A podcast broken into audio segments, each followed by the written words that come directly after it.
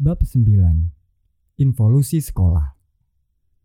Para palemologis boleh saja mengutuk Amerika Serikat atau Rusia yang menghabiskan begitu banyak uang hanya untuk menghasilkan senjata-senjata maut nan canggih. Para aktivis gerakan perdamaian dunia pun boleh-boleh saja mencela dan mengejek banyak negara kecil di dunia ketiga yang sebenarnya miskin, tapi ikut-ikutan latah menghambur-hamburkan devisa mereka untuk membeli perlengkapan militer muktahir hanya demi gengsi internasional. Tapi sekarang mereka boleh berpaling ke Indonesia dan menyaksikan sendiri tak kurang dari seperlima atau lebih dari 20% anggaran belanja negara ini justru diperuntukkan bagi pembiayaan pembangunan sektor pendidikan.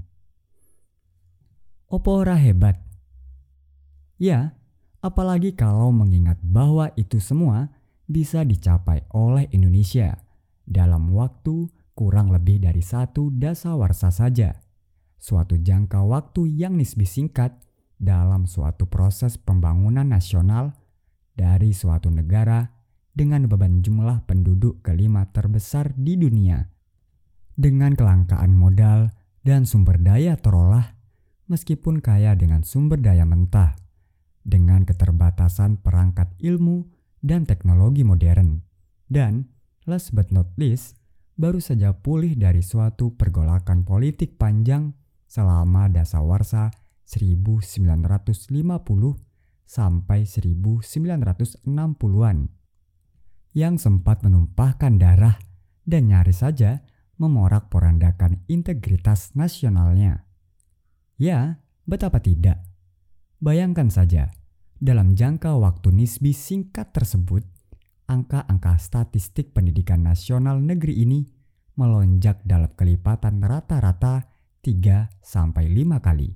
Jumlah orang yang dinyatakan bebas buta huruf, jumlah penduduk yang tergabung di bangku sekolah sejak taman kanak-kanak sampai perguruan tinggi, jumlah bangunan gedung sekolah yang menjangkau sampai ke pelosok-pelosok desa terpencil, jumlah perlengkapan dan sarana belajar yang juga kian modern, jumlah tenaga pengajar yang semakin memenuhi persyaratan baku, jumlah kenaikan gaji guru-guru, jumlah ah, tunggu dulu. Begitulah, tiba-tiba terdengar tegur beberapa orang pakar sambil mengungkapkan kembali peringatan dini pada Menteri Pendidikan negara-negara anggota UNESCO pada pertemuan mereka di Jenewa tahun 1969. Soalnya, kata mereka, di balik semua angka-angka laju pertumbuhan yang memang menakjubkan itu, yang menandai suatu revolusi kebangkitan pengharapan yang membludak. A revolution of rising expectation demands juga telah terjadi angka-angka kebalikannya dalam lipatan yang tak kalah fantastiknya. Jumlah murid-murid tinggal kelas, jumlah pelajar yang putus sekolah, jumlah siswa yang terpaksa gigit jari karena kehabisan jatah kursi di perguruan tinggi, jumlah lulusan sekolah, dan sarjana yang frustasi karena kehabisan lapangan kerja. Jumlah Astaga, Mari kita sudahi saja semua permainan angka-angka itu. Selah seorang Philips Combs dengan nada sebal yang tak bisa disembunyikannya.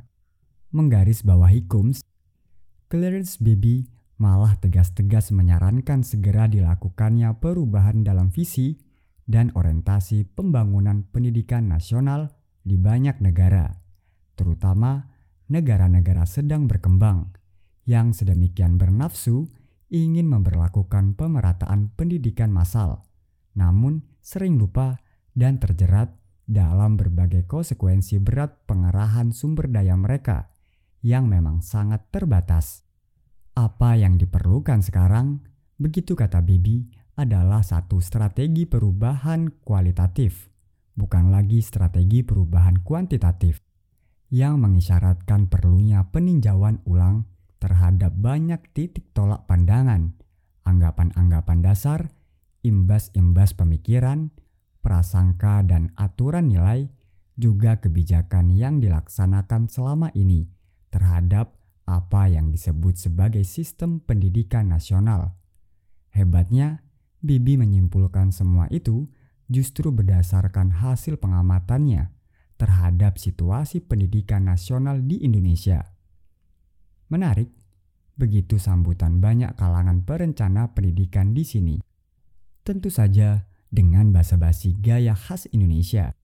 Yang baik kita terima, yang kurang baik atau kurang sesuai, kita pertimbangkan masak-masak lebih dahulu. Maka terjadilah suatu kesibukan baru yang luar biasa.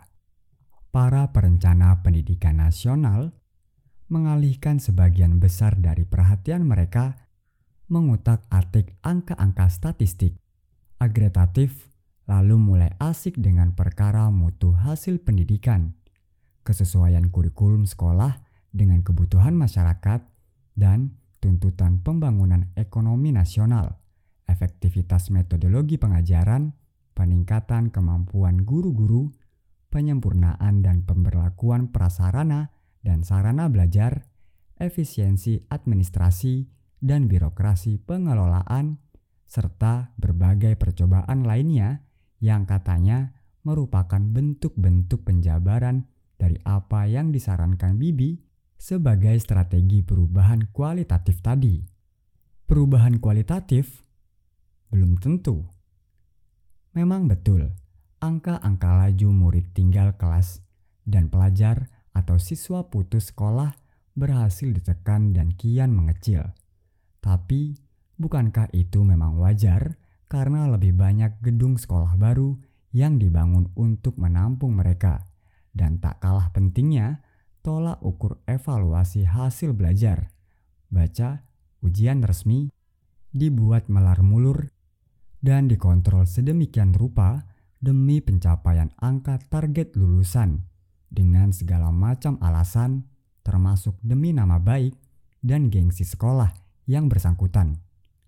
Lantas, bagaimana dengan soal mutunya? Bagaimana dengan soal kecenderungan koesti yang tetap membesar pada jenjang persekolahan yang lebih tinggi?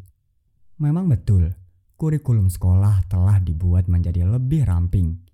Tapi, bukankah hal itu lebih karena semua mata pelajaran sekolah diringkas-ringkas dan dipadat-padatkan? Lalu, diberi label nama baru tanpa perubahan substansi yang mendasar.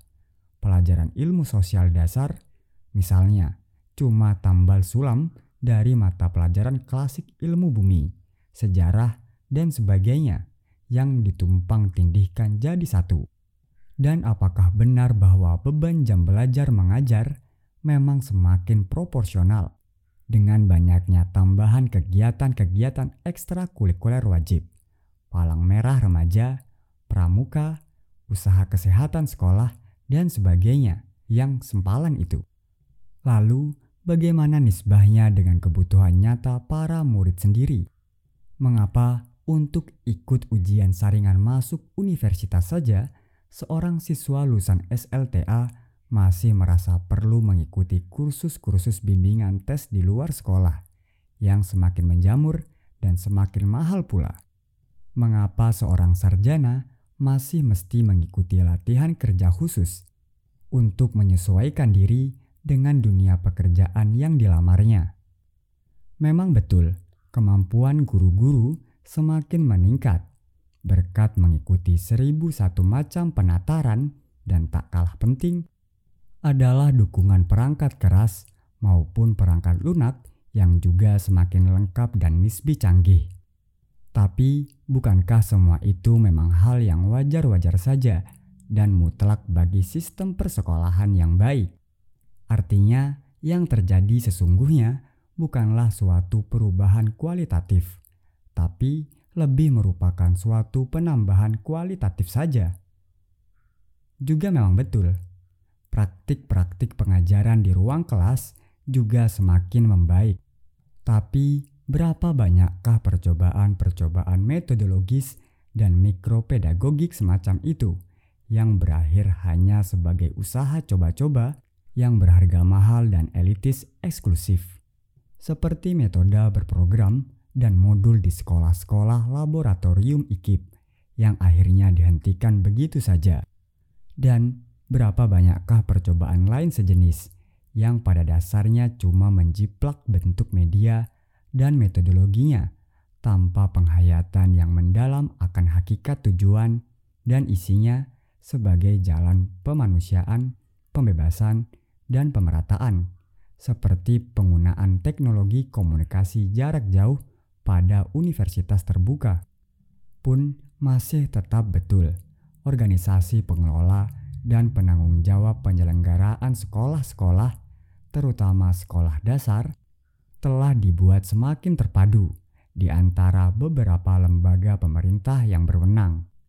Tapi, bukankah yang terjadi sebenarnya lebih merupakan suatu dekonsentrasi politik pendidikan nasional yang sangat konformistis dan amat mengabaikan disparitas regional yang ada, bukan desentralisasi kewenangan yang lebih memungkinkan munculnya iklim kebebasan, prakarsa pembaharuan, dan kreativitas dari bawah.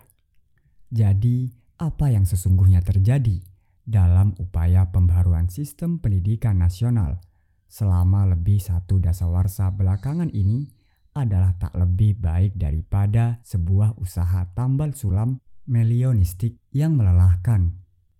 Asumsi bahwa pembaruan kualitatif hanya bisa dicapai dengan pertumbuhan kuantitatif masih tetap menjadi pendekatan dominan. Pikiran yang hidup adalah jika Anda ingin memperbaiki mutu pendidikan, maka perbanyaklah jumlah gedung sekolah, tingkatkanlah jumlah guru, tambahlah prasarana dan sarana belajar, dan seterusnya, dan seterusnya. Dengan kata lain, logika para perencana pendidikan belum lagi beranjak dari logika hukum Parkinson. Pekerjaan berkembang sesuai jumlah waktu yang dibutuhkan untuk menyelesaikannya, bahwa biaya-biaya meningkat jumlahnya sesuai dengan makin